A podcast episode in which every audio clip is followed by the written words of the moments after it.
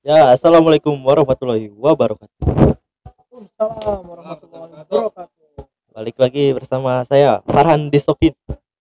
Topik di sini Gilang pembungkus di mari. Bangsat. ya di podcast temu kangen sudah episode lebih dari 10 ya atau Belum masih 9, masih 9. 9. Oke. Karena kita eh, bertepatan syutingnya ini Hamin satu Idul Adha, jadi kami segenap podcaster anjay podcaster Ya. nih. Ya segenap tim temu kangen mengucapkan selamat Idul Kurban. Idul Kurban. Semoga teman-teman yang kurban diterima kurbannya dan amin. Dan yang kurban jangan lupa bagi-bagi satenya ke rumah kami.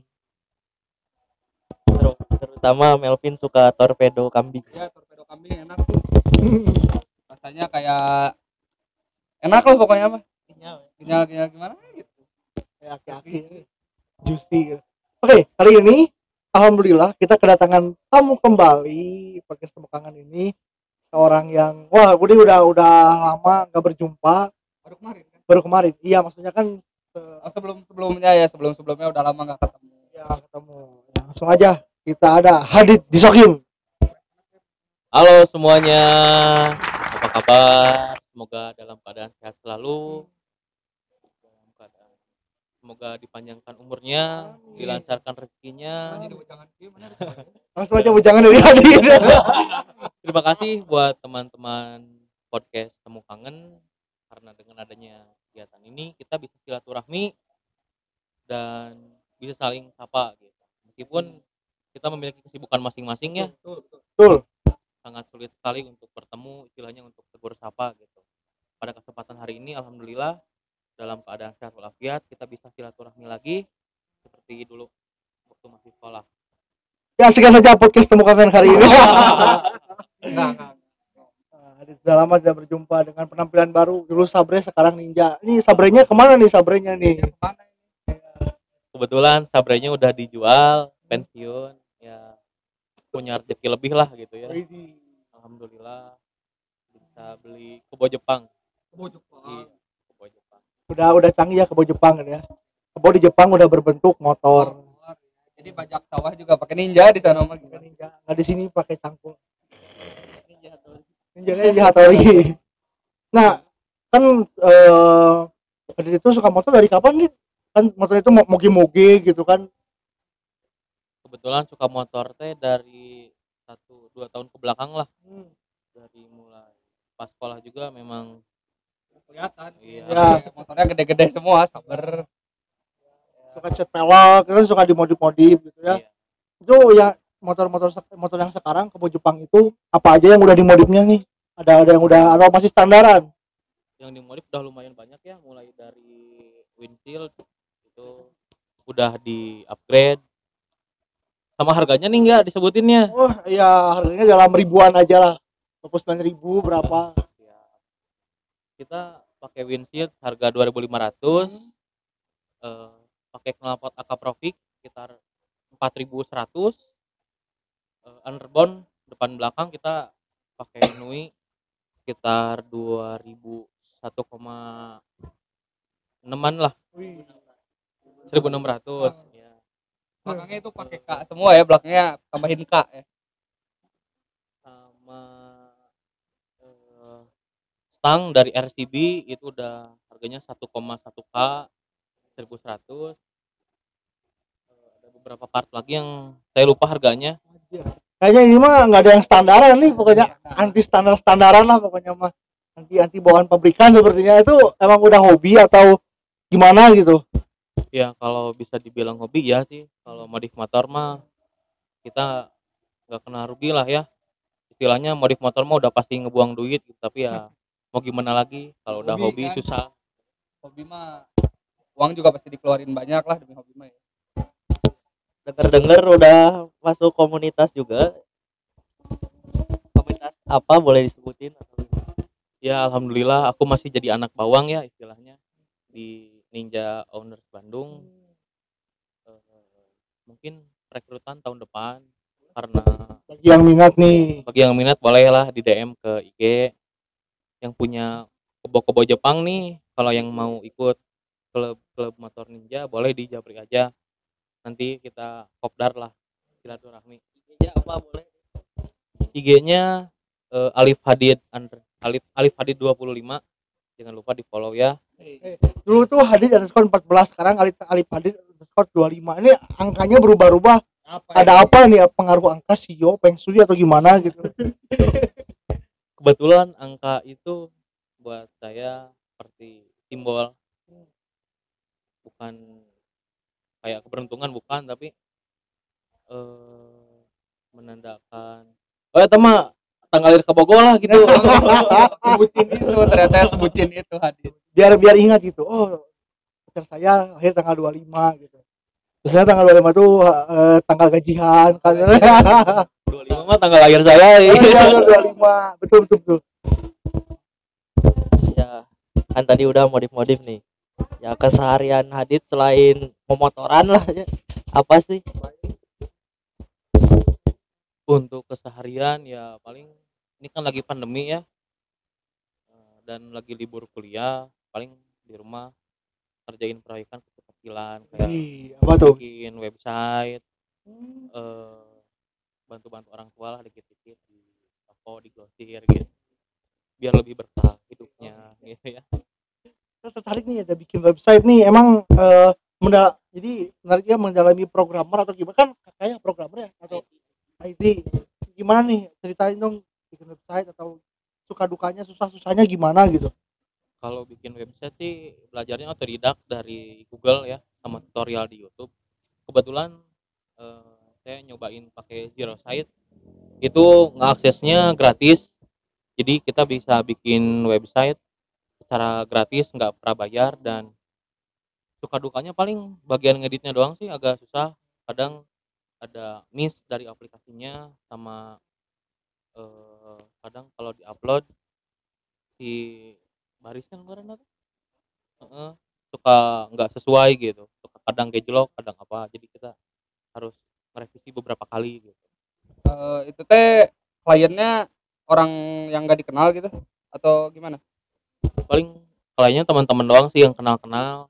Kayak mau nembak pacarnya secara anti mainstream gitu kan lewat website tinggal kasih linknya. Dalamnya ada kata-kata mutiara gombalan-gombalan busuk gitu kan itu teh kadang klien kan mintanya kadang minta eh, apa ya? Aneh-aneh gitu ya. Permintaannya tinggi tapi budgetnya kurang. gitu ya. Budgetnya kurang. Itu gimana tuh yang kayak gitu? Menanggapinya lah menanggapi seorang teman yang kayak gitulah. Jadi saya emang nggak matok harga seikhlasnya aja tapi tahu diri lah gitu. Nggak nggak nggak mentasbihkan saya advance tapi tahu diri. Ya, ya anda anda yang suka bikin desain bikin logo bagus-bagus tapi harga murah.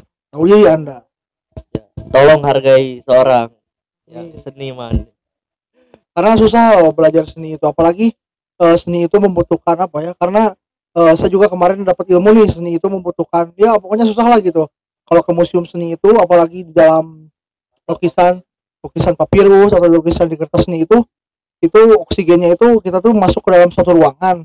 Nah di ruangannya itu oksigennya itu makin lama makin turun dan mau menelitinya pun juga kita tuh harus pakai APD ya semacam APD COVID. Nah jadi anda ya jangan menganggap seni itu murah atau gimana gitu hargai gitu lebih dari sekedar logo yang membuat anda juga sukses gitu ya. Oke tadi udah Hadid ya kesehariannya bikin website bantu orang tua kayak gitu. Eh selain hobi motor terus kayak gitu ada lagi gak kan selain itu. Kan itu kalau udah hobi itu maniak gitu kayak kayak vape nih vape. Gimana nih? Ya, cerita ini vape vape gitu. Ya kalau buat vape saya nggak mulai nge-vape di tahun tiga tiga tahun ke belakang lah. Waktu ya. waktu pertama masuk uh, Bumsil itu saya Iya. udah mulai mulai nyobain ke vaping. Eh, ya kalau di vape lumayan sih kayak beli mod gitu kan. Maksudnya eh, alat-alatnya mulai dari baterai alat hisapnya eh, RDA-nya atau RTA itu sekitar habis 700 ribuan belum liquid. Kan vape itu apa sih yang bikin malasnya itu apa? Perawatan. Perawatan ganti koil ganti kapas itu dulu itu pakai vape store terus atau atau otodidak sendiri gitu nge- ngelinting koil gitu kan itu kayaknya malas gitu ya kalau buat perawatannya kayak eh, recoil gitu saya biasanya ke vape store soalnya kalau bikin sendiri itu ada alat alat khususnya jadi kebetulan saya nggak punya bukan nggak bisa jadi saya ke vape store ya cuma sekitar 15 sampai 20 ribuan kita terima jadi gitu Wih. Jadi pokoknya itu tuh awet nggak sih kalau recoil dari sana atau gimana berapa ketahanan itu berapa minggu gitu? kalau recoil sih tergantung pemakaian ya ada yang eh, ketahanan kawan juga tergantung merek juga Hmm. kalau rekomendasinya recommendednya biar sehat biar aman gitu coil itu bisa 2 sampai tiga hari tapi kalau kapas tiap hari harus ganti Tiap hari. Bayangin ya, kita kan eh, kalau kalau ngerokok nih ya, Ya kan? perbandingan sekarang Maya perbandingan yang konvensional ya. Kalau kan kalau kita ngerokok, ngerokok aja mau gitu. Kalau vape kan harus lihat ini lihat itu itu kadang-kadang rasa aduh saya mendingan merokok aja deh daripada vape atau gimana gitu. Karena kan ada saking ribetnya. Ya apalagi kan 2 sampai tiga hari harus ganti kapas. Itu gimana sih? Apa karena udahlah karena nyaman sama vape gitu. ya jadi vape-nya buat selingan doang sih ya. Jadi nggak dipakai daily atau sehari-hari. Kalau lagi mood pakai vape yang vape gitu. Tapi ya sehari-hari mah ngerokok sih. Gitu. Juga lagi ngerokok gitu. Jadi ya rasanya emang beda banget. Feelnya beda udah jelas lah ya tapi ada sensasi tersendiri kalau kamu nyobain vape kayak pertama rasanya manis terus bisa mix rasanya. Kalian mau rasa apa aja bisa eh istilahnya custom gitulah. Kalau pengen rasa buah-buahan ada liquid khusus rasa buah-buahan doang. Ya jadi fleksibel gitulah. Kalian mau apa insya Allah pasti ada. Gitu. Dan keuntungan vape kalian nggak akan kecipratan cengkeh yang potek-potek gitu. asli asli. Saya kebetulan tadi pagi lagi buang air ya. Kan enaknya sambil ngerokok lah ya. Saya lagi main HP ngerokok. Tiba-tiba ada yang jatuh tuh si ini apa? Si cahracanya teh. Terus kenapa ha? Oh panas! Nah, anda ya perusahaan-perusahaan rokok sampurna gudang garam. Apalagi gudang garam nih. Saya membeli Surya Pro membeli Signatur apalagi Signatur. Kalau pembakaran tidak sempurna langsung maltek maltek muhasabah diri. Perbaiki kualitas cengkeh anda ya hei gudang garam. Muhasabah diri anda. Jangan terlalu kering lah tekstur tekstur tembakau atau cengkehnya gitu. Ya. Eh Hadit eh sekarang eh, lagi kuliah di institusi mana nih? Sekolah tinggi mana? Eh, alhamdulillah sekarang saya kuliah di Universitas Bakti Kencana.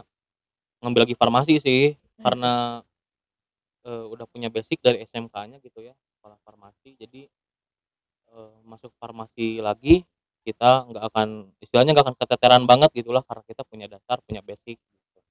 apa gak bosen ya kalau dibilang bosen sih bosen ya. Malas gitu ya sekolah di bidang kesehatan karena pertama biayanya mahal Betul.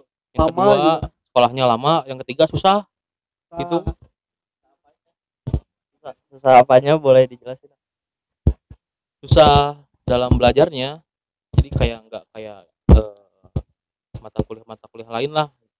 Kalau lihat dari ilmu kesastraan kan nggak setiap hari masuk gitu. Kadang seminggu cuma 3 sampai empat kali. Kalau kamu masuk kuliah farmasi itu tiap hari masuk Senin sampai Jumat. Full day dari pagi sampai sore. Alhamdulillah gitu. Capek mah capek tapi jalani aja lah gitu. kan kamu SMK farmasi terus eh ya kuliah farmasi. Ada perbedaan nggak yang dilihat gitu? Atau dari mata kuliahnya cara menjelaskannya soal-soal yang dikasih itu lebih gimana gitu? Alhamdulillah kalau dari materi yang disampaikan sih nggak jauh beda ya. Mungkin karena masih awal juga. Tapi ada beberapa mata kuliah yang asing gitu kayak kimia farmasi analisis biokimia gitu. Oh paling matkul berat oh liur saya mah teka otakan terus dari eh, bagian kayak farmakologi gitu lebih lebih gimana udah udah udah udah masuk farmakologinya yang atau gimana gitu farmakologinya masih sama kayak SMK sih masih baru kayak sampai reseptor-reseptor kayak Hmm. gitu lebih spesifik lah ya lebih detail gitu Iya, cuma lebih diperdalam lagi. gitu. Jadi agak, memang sih agak kerepotan, tapi karena kita punya basic, eh, jadi konsepnya udah paham duluan, jadi nggak terlalu susah lah gitu dibanding teman-teman yang masuk farmasi lulusan SMA gitu. pokoknya kalau udah ada basic nih ini khususnya bagi yang mau baru lulus nih ya emang kita sasar aja karena target market kita. Ya, ya yang mau lulus nih jadi ada ada beberapa profitnya nih masuk ke jurusan yang linier atau yang sama. Jadi kalian punya basic cuman kalau misalnya kalian bosenan saya kan bosenan Ini juga bosenan kebenaran ya. Apa sih farmasi bosen gitu kan. jadi banding setir gitu. Pokoknya kalau misalnya kalian oke dari biaya memang itu kesehatan itu memang, mahal. Terus eh, dari waktu. Terus dari eh, apa mata kuliah atau yang diampunya ya jadi sanggup enggaknya gitu. Karena memang lebih lebih advance gitu. Enggak enggak sesimpel yang dibayangkan gitu. Ya memang namanya dunia perkuliahannya punya memang eh, lebih segala-segalanya lebih detail gitu. Mau kalian beda jurusan mungkin seperti ini ketiga orang ini kami ini.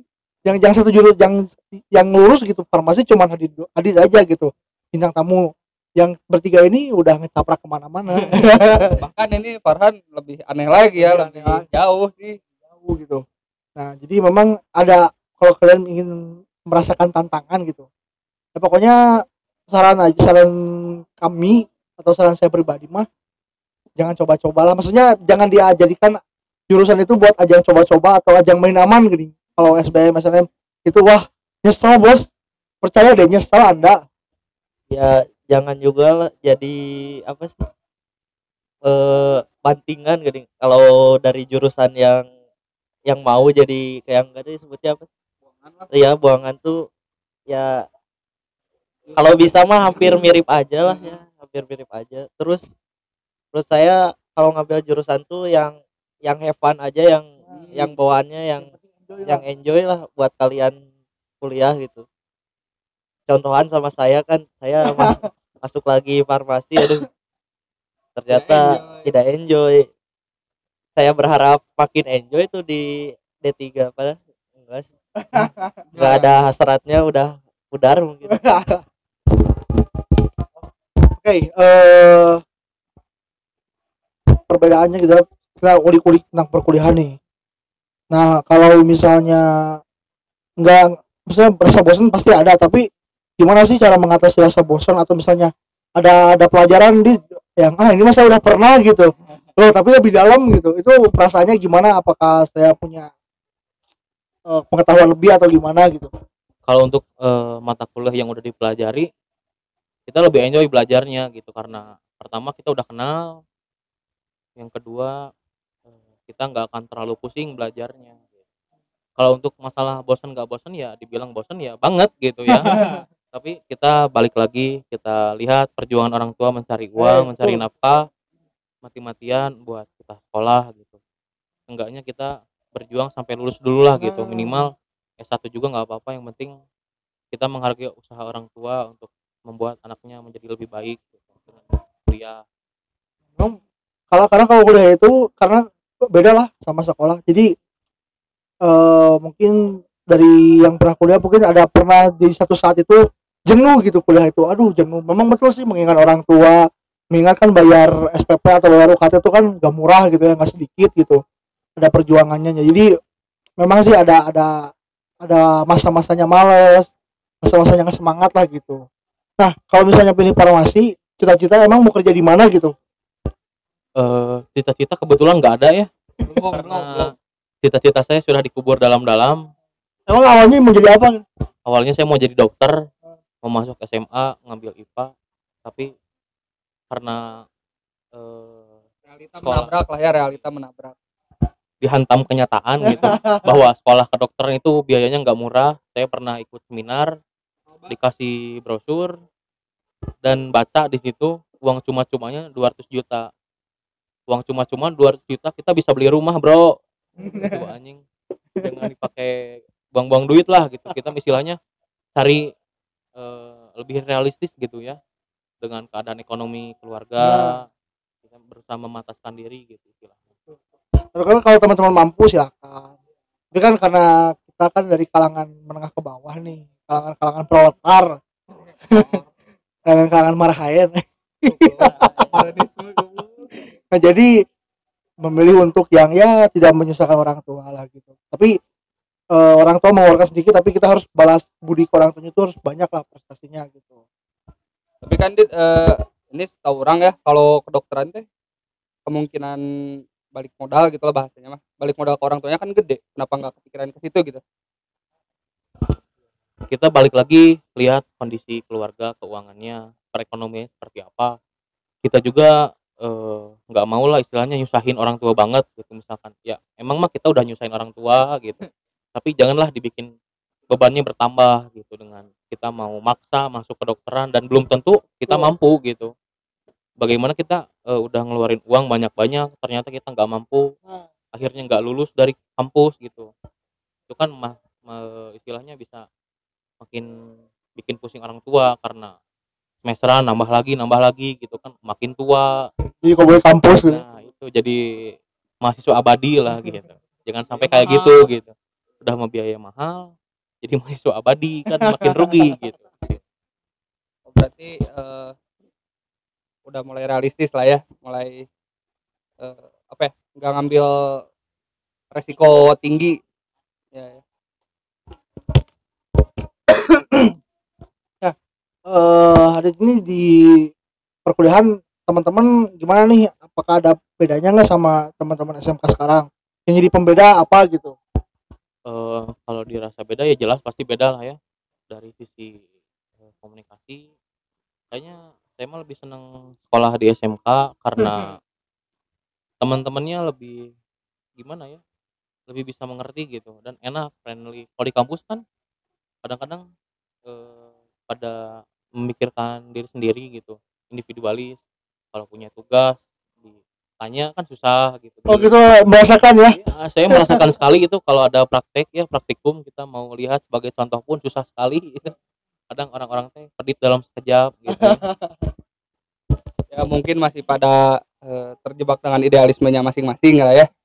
Ya kan jujur orang juga awal masuk SMK mah orang punya idealisme orang sendiri orang nggak ya nggak kepikiran lah bakal jadi anak nongkrong gitu. Eh mungkin karena masih semester 3 juga kan. Ya mungkin eh, ntar semester eh satu kan ya Adit eh S, S, S1 eh, nanti belum belum. Eh mungkin nanti semester 5 semester 6 mah udah mulai ya mulai udah mulai realistis lah kayak anjing yang butuh teman gitu teman-teman mana teh mungkin jadi ya mungkin nanti di semester 5 6 udah mulai dapat contekan lah. Kan ya kayak gitulah lingkungan kampus mungkin. Eh karena ada dari berbagai macam orang tuh pasti tongkrongannya atau lingkup eh berkumpulnya beda-beda kan. Jadi seperti itu. Eh belum mengenal satu sama lain lah. Ya untuk Adit nih katanya ikut-ikut demo ya demo. Ini gimana nih? Boleh nggak ceritain nih? Kan teman-teman nih ada kan ada waktu bulan September ada KUHP nih. Waduh teman-teman kan ingin menyuarakan aspirasinya. Nah ada pengalaman atau ilmu bisa di share nih. Karena kan kita mah pengamat nih nggak ja- jarang. cara cara demo waktu itu teh gimana gitu kan. Hadid kemarin udah nyeritain tuh di teknisnya boleh diceritain. Ya gitu. Ilmu nih ini ilmu menyuarakan pendapat nih guys ya jadi kalau kalian mau demo yang pertama harus terorganisir dulu bagaimana eh, susunan acaranya jadi kalau kemarin kita dari kampus ada arahan dari BEM udah dapat izin dari kampus dan dosen juga dosen alhamdulillah sudah mengizinkan gitu. Eh, dan kita titik kumpul di kampus tuh sebelum berangkat kita dikasih arahan seperti nanti kita parkir di sini titik poin misalkan ada terjadi chaos atau terjadi kerusuhan kita larinya ke arah sini dan ke arah sini gitu. Nanti kita berkumpul di titik poin yang sudah dijanjikan tadi gitu. Jangan sampai kita pecah melenceng dari eh, apa titik poin yang tadi dari arahan yang tadi. Soalnya nanti kalau kita pecah itu kan masa sampai ribuan. Banyak. Banyak sekali sampai puluhan ribu mungkin ya yang berkumpul di Jalan Diponegoro waktu itu depan gedung DPR nanti ya nanti kita bakal menyusahkan eh, orang yang lain gitu. Kayak kalau kita misah sendiri nanti yang lain kan pasti nyariin. Kita berangkat bareng pulang pun harus bareng dengan anggota yang sama jumlahnya gitu. Jangan sampai kita kalau misah sendiri gitu menyusahkan orang lain karena jadi harus nyari-nyariin gitu. Resikonya lebih besar lagi ditangkap polisi karena kondisi udah larut malam gitu. Ya dan sudah malam pun masih terjadi chaos. Kita masih ditekan sama polisi masih ditembakin sama gas air mata dan beberapa ada yang di istilahnya diculik lah gitu. Diambil Diamankan, diamankan gitu ya. Ya ya maafkan pak. Ada beberapa orang yang diamankan mungkin diduga provokator entah bagaimana saya nggak tahu. Soalnya itu orang eh, tiba-tiba ditarik sama beberapa polisi dan langsung dipisahin gitu. Dan nggak tahu nasibnya gimana gitu. Jadi kalau kalian mau demo yang pertama ikutin arahan dari istilahnya dari yang dituakan lah gitu dari kan kalau ada bem yang eh, menaunginya ikuti arahannya gitu. Jangan sampai pengen mengkarep sorangan gitulah. Jangan sosokan kita berani kita maju sendiri gitu jangan. Karena nanti yang rugi kamu sendiri gitu dan nama kampus pasti tercoreng. Eh, itu kalau kan Adit nih dari farmasi Eh, kalau dari farmasi itu eh, role role tuh apa ya? Perannya di sana tuh jadi medis atau gimana tuh kan mungkin dari beda-beda jurusan juga. Apa eh, jurusan tertentu jadi eh, misalnya ada yang kan kayak perawat jadi medis gitu. Kalau farmasi di sana jadi apa? Ya sebetulnya peran kita sama sih sebagai demonstran ya. Cuma ada beberapa dari teman kita membawa alat-alat bantu seperti oksigen P3K itu bisa membantu tim medis dan kita memisahkan diri pakai eh, logo palang merah. Oh, ya itu ditandai sebagai medis dan ada beberapa orang dari kita bawa peralatan itu yang disediakan oleh kampus atau dari BEM gitu ikut gabung sebagai tim medis. Sisanya sebagai demonstran ya ada yang barbar ada yang ya namanya juga demo lah ya mengaspirasikan pendapat terbawa suasana. ya beberapa orang mungkin ada yang melakukan hal-hal di luar kewajaran Ya. gitu. luar sana gitu. Iya. jadi eh, kesimpulan gitu ya yang mau berdemo tuh kalian tuh harus tahu dulu apa yang mau didemoin. Jangan ikut-ikutan. Intinya itu jangan ikut-ikutan. Jadi memang dari organisator or- jadi diorganisir misalnya dari ah katakanlah BEM let's say BEM gitu. Nah itu mengorganisir gitu. Ya ya tapi kan saya gambaran gitu. Jadi pokoknya ya jangan ikut-ikutan lah gitu. Intinya kita harus tahu dulu apa apa masalahnya. Em, lalu yang jadi keluhan kita di mana pokoknya kita harus tahu. Nah jadi terus selanjutnya kan mengenai lapangan tuh ya. Nah itu orang dengarkan arahan. Jadi kalau misalnya anda amit-amit nih tertangkap atau gimana nah yang rugi kan anda dan institusi yang anda bawa gitu. Oh seperti dosennya anda ya. Ya, jadi pokoknya intinya jangan ikut-ikutan dan ya sewajarnya lah gitu. Ya kalau mau ikut juga ya tadi harus mengerti apa yang akan diutarakan kepada itu. Terus ya pahamilah tata cara demo dengan sebaik-baiknya dengan benar. Ya. Mungkin tadi demo tadi. Eh, terus itu kan sebelum demo biasanya ada eh, ini ya kayak penjelasan dulu tentang yang yang salahnya apa ya kenapa kenapa demonya gitu. Ada kan? Nah itu gimana sih proses penjelasannya gitu? Untuk materi atau misalkan inti permasalahan yang kita aspirasikan itu ada beberapa sumber seperti dari Trisakti dari Universitas Pajajaran sama ada dari beberapa universitas gitulah yang telah membuat seperti resume atau apa disebut ultimatum gitu ya mungkin. Seperti itu. Jadi kita bisa baca sebelumnya supaya kita paham gitu. Apa ya sih? Apa sih yang kita mau aspirasikan nanti? Jangan sampai kita datang ke sana ikut-ikutan barbar ketangkep gitu. Misalkan kalau diinterogasi kita nggak tahu kita demo tuh tujuannya apa gitu. Nah, jangan sampai kayak gitu. Dan itu juga bakal mencoreng nama kampus sih. Karena kita kan demo pakai alma mater membawa nama kampus ya jagalah dengan baik dengan bertanggung jawab gitu. Makanya ya sekali lagi kalian-kalian ini ya yang baru lulus nih. Nanti kan pasti ada culture culture shock lah. Culture shock eh, ya banyak lah hal-hal yang kayak demo gitu kan kayak kalau waktu SMK sih orang lihat demo tuh hal keren gitu. Cuma setelah Ada masuk beberapa yang memandang negatif juga cuma setelah orang masuk kuliah kayak ah mungkin untuk orang-orang yang ke lapangan bukan orang gitu kak. Soalnya orang rasa orang orangnya gampang kebawa suasana takutnya tadi mencoreng nama institusi. Jadi untuk kalian-kalian yang barbar jangan ikut-ikut demo ya. Kalau kalian nggak tahu apa yang didemoin. Itu itu harus diingat ya. Riset penting. Dan demo juga itu merupakan karena namanya unjuk rasa gitu ya, kan mengunjuk perasaan. Jadi rasa kita itu di, di apa dikeluarkan gitu keresahan kita. Nah uh, unjuk rasa juga merupakan salah satu metode nih salah satu metode untuk menyampaikan pendapat dan dijamin di UUD pasal 29 nah demo itu merupakan salah satu dan berarti kalau salah satu ada banyak cara kalian untuk meng, ya mengutarakan aspirasi kalian. Tidak dengan demo tidak dengan barbar mungkin bisa dengan rekonsiliasi dengan mediasi. Banyak caranya pokoknya. Ya. Aduh, udah nih bahas demo. Eh, denger denger Hadid juga suka ngopi Iya. itu. Ya boleh diceritakan jalan ini perjalanan arah perkopiannya? gitu. Eh, sebetulnya ngopi mah bukan apa ya istilahnya iseng-iseng lah gitu ya. Dari awalnya cuma eh, dengar dari temen nih ngopi di sini enak katanya gitu. Pertama iseng-iseng datang ke kedai ke kafe gitu lama-lama jadi penikmat. Jadi penikmat kopi udah udah penik udah kita udah bisa menikmati kopi kita jadi kepo dong gimana cara bikinnya. Apa aja alat-alatnya dan bahan bakunya seperti apa gitu. Gitu doang sih belum sampai mendalam kayak jadi barista atau gimana. Masih newbie lah gitu istilahnya. Ya jadi eh, memang ya, karena memang hobi jadi membeli untuk menikmati gitu ya memang eh, perjalanan kopi ini kopi apa aja nih yang bisa yang pernah dicicipi gitu?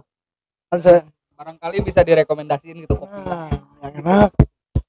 Kalau saya sendiri pribadi ya kopi kalau buat orang yang suka kopi nggak suka kopi yang manis maksudnya biasa kalau nggak ke espresso americano atau V60 itu udah recommended banget lah gitu buat nongkrong soalnya porsinya lumayan besar bisa sharing juga gitu. Kalau buat penikmat kopi yang suka bikin snapgram snapgram gitu ya udahlah kalian mau minumnya kopi latte aja yang latte aja biar bisa di SG-in gitu. Biar asam lambung gak naik teuing nggak biar gak GERD gitu. Jenis kopi ada misalnya pernah nggak nanya kayak kopi puntang atau kopi apa yang enak gitu menurut Hadid kalau kopi sih aku re rekomendasiinnya Java Candy karena Java Candy itu pertama wangi yang kedua ada sweet aftertaste jadi kalau kita udah minum kopi itu misalkan kopinya dibuat V60 setelah kita neguk satu gelas kecil atau sloki kalian bakal ngerasain manis di ujung lidah gitu. Sampai kalian nelan air liur itu masih berasa manis tapi bukan manis gula tapi manisnya kayak eh, alami gitulah. Jadi nggak terlalu manis juga gitu. Cuma ada rasa-rasa Ya, manis lah tipis gitu. di lidah gitu. Nah, kalau anda pernah nyerutu ya kan ada cerutu ada rasa pahit. asin nah itu tuh sama eh, tesnya tuh penginderanya itu kayak kopi gitu.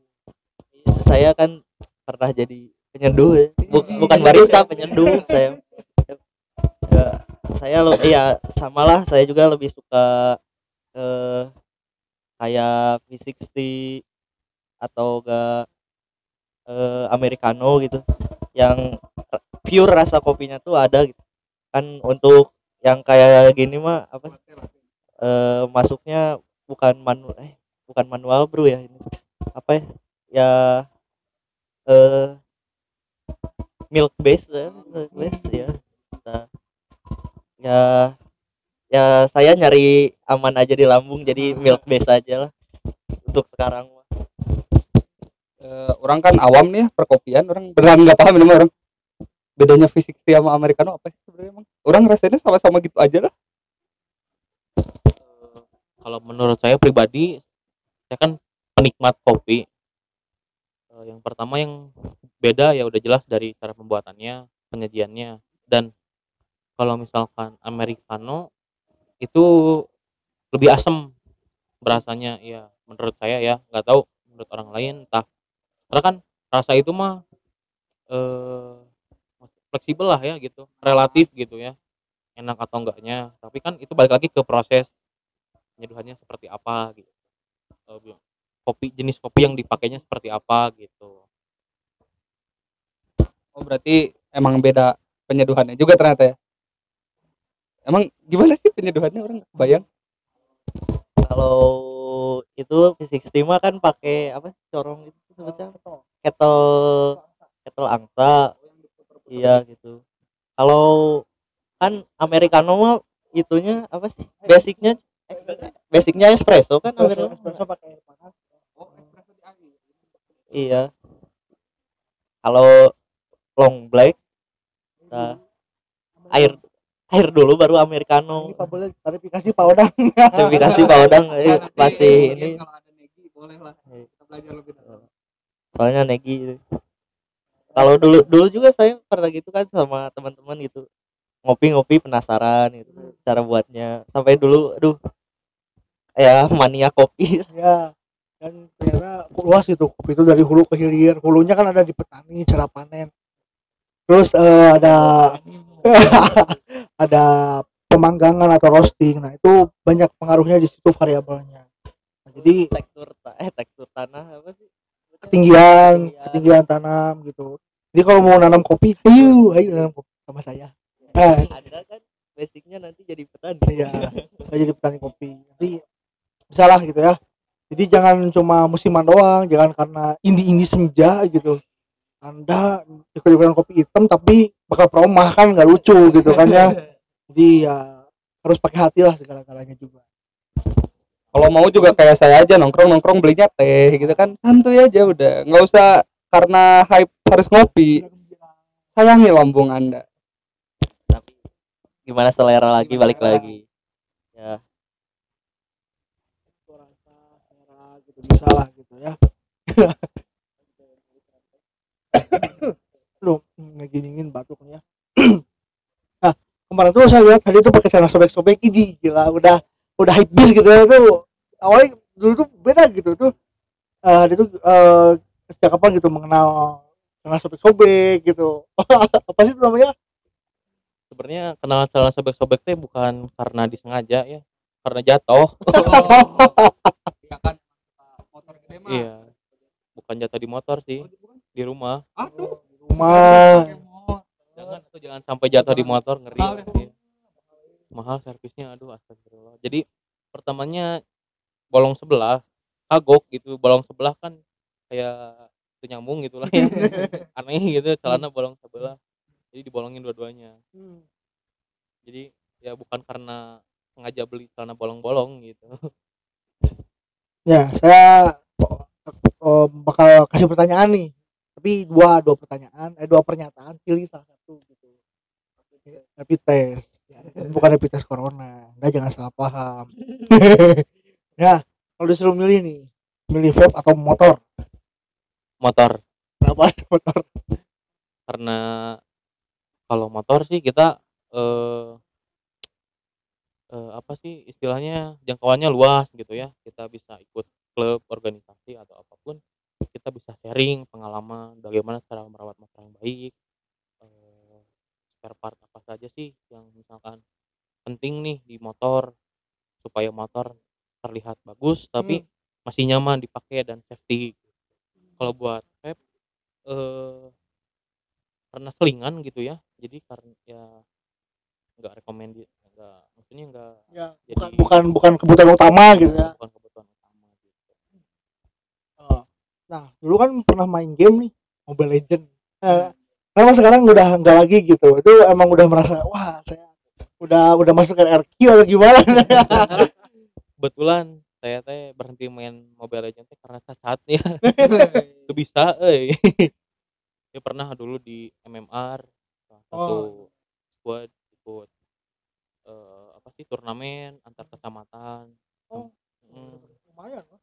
antar kecamatan ya bosan lah gitu ya namanya juga game kan fluktuatif kadang kita lagi senang mainnya kadang bosan ya sekarang sih udah akum lah istilahnya udah bosan gitu main game mau milih ke arah eh, lebih serius lagi gitu. Jadi memanfaatkan waktu supaya lebih berguna. Tuh, ada, ada programmer terus pernah jadi gamer otak atik motor lah banyak lah eh, soft skill itu sepertinya yang bisa dimanfaatkan. Karena aku udah susah nah jadi soft skill gitu. Nah bahas ke SMK nih. Ada nggak? Nostalgia kita kan market kita kan jualan kita nostalgia. Untuk season awal masih nostalgia. Ya, season 2 kami akan buat gebrakan. Mau Tungguin gebrakan. aja. tungguin aja ya. Jangan lupa karyakarsa.com slash temukan nah, karyakarsa.com slash temu kangen diklik aja di support aja gitu. Jangan ikhlas nah momen apa sih yang bikin Hadi teringat gitu? Yang bikin rindu gitu masa-masa SMK jadi kan aku pengen muda lagi gitu. Gimana? gitu. Du- dua tahun lebih muda lah gitu. Kenangan yang bikin kangen di Bumsil pas LDKS di LDKS kita merasakan perih bersama-sama ya. Makan cepet. Makan kita harus cepat pisang di atas kepala jatuh kena piring gitu kan ya. Kelihatan susah susahnya bareng senangnya bareng gitu. Eh, momennya dapat banget gitu pas kita dikabarin "Wih, udah bisa pulang gitu. Oh, antusias sekali gitu kan. Udah disiksa tiga hari gitu baru boleh pulang. Dan di situ ngerasa kayak tuh kangen suasananya gitu. Kebersamaannya gitu. Karena di LDKS itu nggak ada orang yang individualis. Semuanya kerjasama. Ya dipaksa kerjasama. Meskipun Ya. meskipun dipaksa minimal ada kerjasamanya lah gitu ya.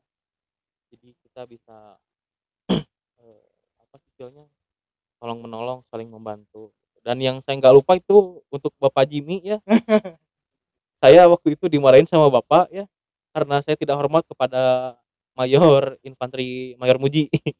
Inget loh namanya loh? Saya udah lupa. Saya waktu itu menjadi ini perwakilan perwakilan penyematan LDKS setelah disematkan eh, pita biru saya lupa nggak hormat langsung balik badan selesai acara saya dimarahin. Ya di depan atasan kepada bapak Jimmy ya.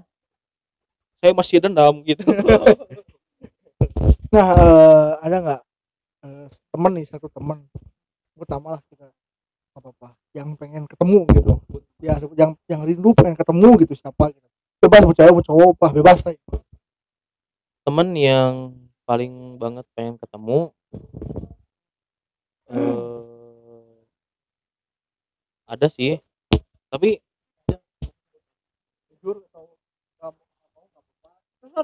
sering sering ketemu sih. CS CS berat. Kapi Abdul Kapi ya oh yang jarang ketemu. rindu gitu. Yang rindu. Aduh siapa ya yang rindu? Eh Putri. Putri Angelin. Nggak pernah ketemu pisan Ketemu pisan, Hmm. terakhir pas terakhir teh ya pas itu eh, di hotel Foxlate Hmm, terakhir teh pasti sudah udah nggak pernah ketemu lagi. Ya, pesan oh iya ada pesan-pesan. Put kalau di DM dibalas ya jangan sama kamu. Bercanda bercanda bercanda. Selain SM siapa? Ini ada siapa mungkin eh ya kangen kangen Negi kangen siapa gitu. Oke lah kesimpangan teman yang paling berpengaruh di SMK gimana gitu. Teman yang paling berpengaruh. Yang mampu merubah hidup.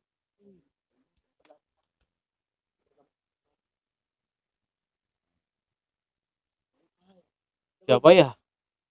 Siapa ya? Ya adik adik ya boleh silakan di kelas atau masa apa ya. Yang bisa merubah hidup saya itu adalah adik kelas saya sendiri. Terima kasih buat Midara ya sebelumnya. Karena tanpamu aku bukan apa-apa. Aku bisa semangat sekolah gitu ya. Bareng sama kamu gitu. Eh, jadi bisa menjadi manusia yang lebih baik gitu ya manusia itu berubah oleh seseorang yang tidak kita sangka. Jadi bisa atasan bisa bawahan. Jadi ya luar biasa lah. Ini menjadi the last interview nih the last question. Nah pesan-pesan nih pesan-pesan untuk teman-teman yang udah lama gak ketemu untuk teman siapa pun gitu. Untuk teman-teman yang dulu pernah menemani hidup eh, menemani hidup ya so jadi jadi melo gitu itu siapa ada pesan-pesan apa gitu? Silakan utarakan. Eh, buat buat teman-teman semua semoga kalian dalam keadaan sehat walafiat selalu ya. Selalu semoga Allah eh, lancarkan rezekinya panjangkan umurnya gitu. yuk kita ngobrol di sini gitu. Kita ke telepon. Udah lama kan gak ketemu nih. Rindulah suasana teman-teman kumpul bareng semua. Jangan. ngomong kangen ada yang datang. Jangan. Erga. ini ada bapak Erga di sini ya? Ngerti ini. Podcastnya udah denger kan sama Erga kan? Erga dari mana ngomong-ngomong nih? Erga dari mana? Oh olahraga. Ya, makin aktif aja ya kan aduh dasar. Emang jalan sini lumayan pusing boleh tuh Amer. Eh, Americano. Eh, jadi guys eh, sekian aja mungkin ya. Terima kasih buat Hadid atas waktunya. Sharing-sharingnya asik sih. Asik pars. Nah terus jangan lupa eh, di episode selanjutnya kita akan ada Q&A jadi boleh ditunggu ya. Nanti pertanyaan-pertanyaan di IG udah kita kumpulin. Terus bakal kita jawab di episode selanjutnya dan jangan lupa boleh donasi ke karyakarsa.com slash temukangen. Di situ kalian bisa request konten ke kita. Teman, terima kasih juga untuk Erga yang telah menyumbangkan atau mendonasikan mixernya. Dan terima kasih juga kepada Kopi Kalkun yang telah menyediakan tempat untuk kita. Ya baiklah. Terima kasih Hadid. Gimana? Bapak Farhan jadi ya mau ini nanti mah ya jadi ingetin lagi sekali lagi ya aduh karya karsa nih membantu hidup kita ini tuh nggak bisa dimonetize Spotify jadi karya karya saja karya karsa dulu aja. Nanti ya bentar lagi masuk season 2 ya Nah. ditunggu aja. coba aja nih. Bagi bagi pendengar-pendengar nih siap-siap nih. Bisa kita tiba-tiba kontak kalian ya untuk sharing bersama kita. Meskipun untuk eh, orang yang mungkin sama kita sebelumnya nggak kenal hanya kenal selewat nah siap-siap di kontak nih sama Farhan gitu bukan sama saya. Tumbal lagi saya ya? Ya gak apa-apa lah. Banyak kenalannya. Iya. ya ya udah. Eh untuk sekarang apa nih kesimpulannya di tema hari ini untuk wejangan-wejangan abah nih? Udah tunggu-tunggu sama pemirsa nih aduh. Ya karena karena aku aku ya aduh, karena aku sebagai moderator jadi kita akan menyimpulkan dulu eh, diskusi hari ini ya. Kesimpulan hari ini adalah eh, dalami hobimu sedalam-dalamnya pokoknya bekerja dengan senang hati gitu. Karena eh, kita bisa menemukan soft skill kita gitu. Dan semakin mudah untuk bekerja dan meraih pendapatan untuk menyenangkan orang tua dan mertua. Ya sekian podcast hari ini. Saya Farhan. Taufik saya Reza Sumakining Kining dan Reza itu Reza Lati. Nggak tahu Gilang itu ya Gilang buntelan gitu hilang dirga ya. Wassalamualaikum warahmatullahi wabarakatuh. Tuhan the door. Ini nggak sih, Bangsat.